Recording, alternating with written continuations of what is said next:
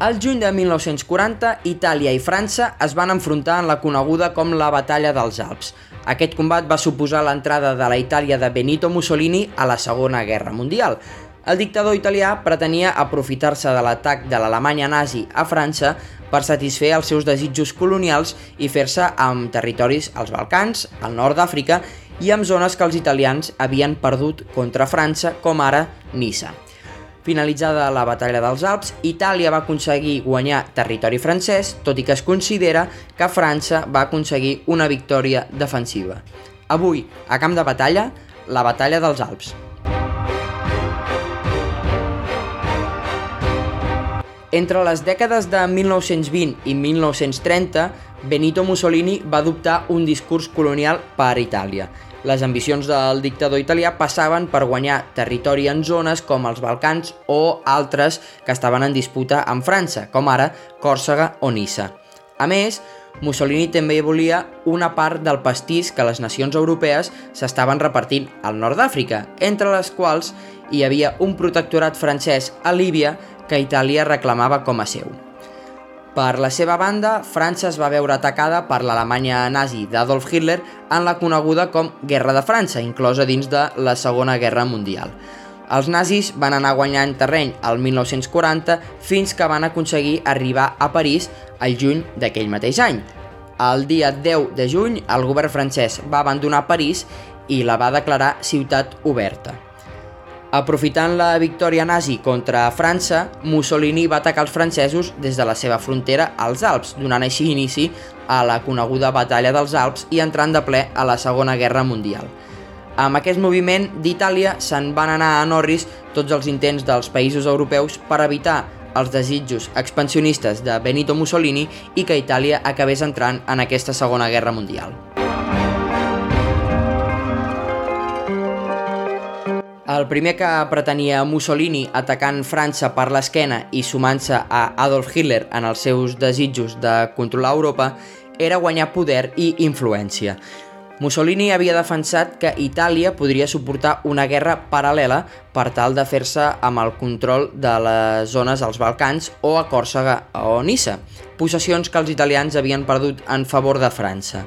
Principalment, la batalla dels Alps i l'entrada d'Itàlia a la guerra contra França era un moviment de pressió de Mussolini per poder negociar quins territoris afegir al regne italià. La batalla dels Alps es va iniciar la matinada del 10 a l'11 de juny de 1940 amb una declaració de guerra que Itàlia va enviar tant a França com al Regne Unit. Els primers dies es van produir diversos bombardejos a banda i banda de la frontera franco-italiana dels Alps. Aquests, de fet, van ser els únics moviments ofensius de França, ja que després va adoptar un rol completament defensiu.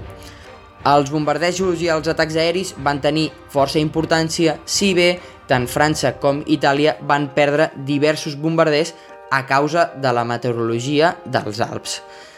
El 15 de juny de 1940 va col·lapsar el govern francès i es va produir un canvi que va deixar al capdavant el general Philippe Pétain. Aquest mantenia una idea negociadora amb Alemanya.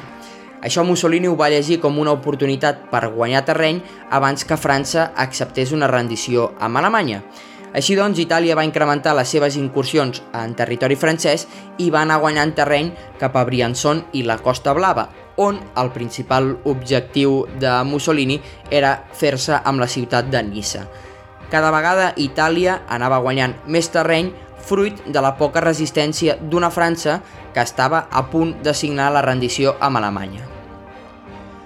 El 18 de juny de 1940, Mussolini es va reunir amb Hitler i el líder alemany li va exposar que les pretensions italianes sobre Nissa, Còrsega i Tunísia podrien comprometre les negociacions de pau entre alemanys i francesos.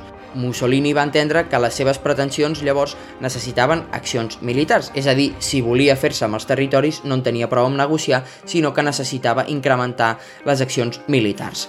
El 20 de juny, el dictador italià va demanar atacar l'endemà mateix i va intensificar les incursions italianes en territori francès. Mussolini volia arribar el més aviat possible a Nissa arribant a dir textualment «No vull patir la vergonya que els alemanys ocupin Nissa i ens l'entreguin».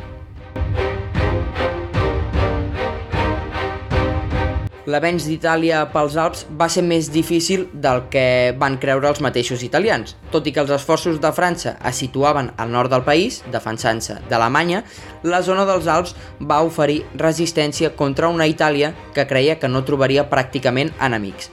La resistència francesa, juntament amb els danys que va patir l'armament a causa del fred de la zona, va fer que el pas d'Itàlia per la frontera dels Alps fos més lent de l'esperat el dia 21 de juny de 1940 es va intensificar l'ofensiva italiana buscant arribar el més aviat possible a la zona de la costa propera a la frontera, on França tenia concentrades encara més defenses. Entre el 22 i el 23 de juny de 1940, les tropes italianes van aconseguir arribar a la ciutat de Menton, just a la frontera entre França i Itàlia, a pocs quilòmetres de Mònaco, però encara lluny de Nissa. El 24 de juny de 1940, a tocar de Roma, França i Itàlia van signar un tractat de pau que va entrar en vigor el 25 de juny i que va suposar el final de la batalla dels Alps.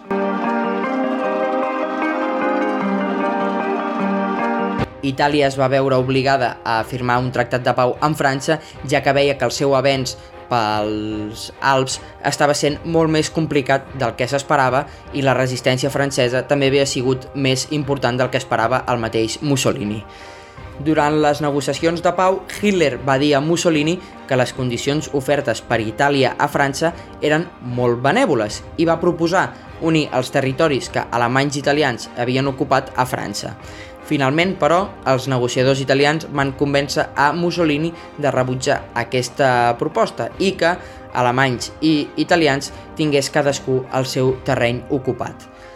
El Tractat de Pau entre França i Itàlia va establir una zona desmilitaritzada a uns 50 quilòmetres de la frontera entre tots dos països abans de la guerra, incloent ciutats com Nissa i Grenoble la zona ocupada per Itàlia va quedar limitada a algunes regions dels Alps marítims, Savoia, l'Alta Savoia, destacant sobretot la ciutat de Menton. El propi Benito Mussolini va visitar aquesta ciutat l'1 de juliol de 1940. Tot i que les condicions del Tractat de Pau van afavorir els interessos italians, es considera que la batalla dels Alps va suposar una victòria defensiva de França. Tot i perdre territori, les seves fortaleses als Alps i els atacs des del mar van deixar més de 600 morts entre les tropes italianes, per tan sols una quarantena de morts entre les tropes franceses. França va recuperar els territoris ocupats per Itàlia en la segona batalla dels Alps l'any 1945 i encara més amb els tractats de pau després de finalitzar-se la Segona Guerra Mundial.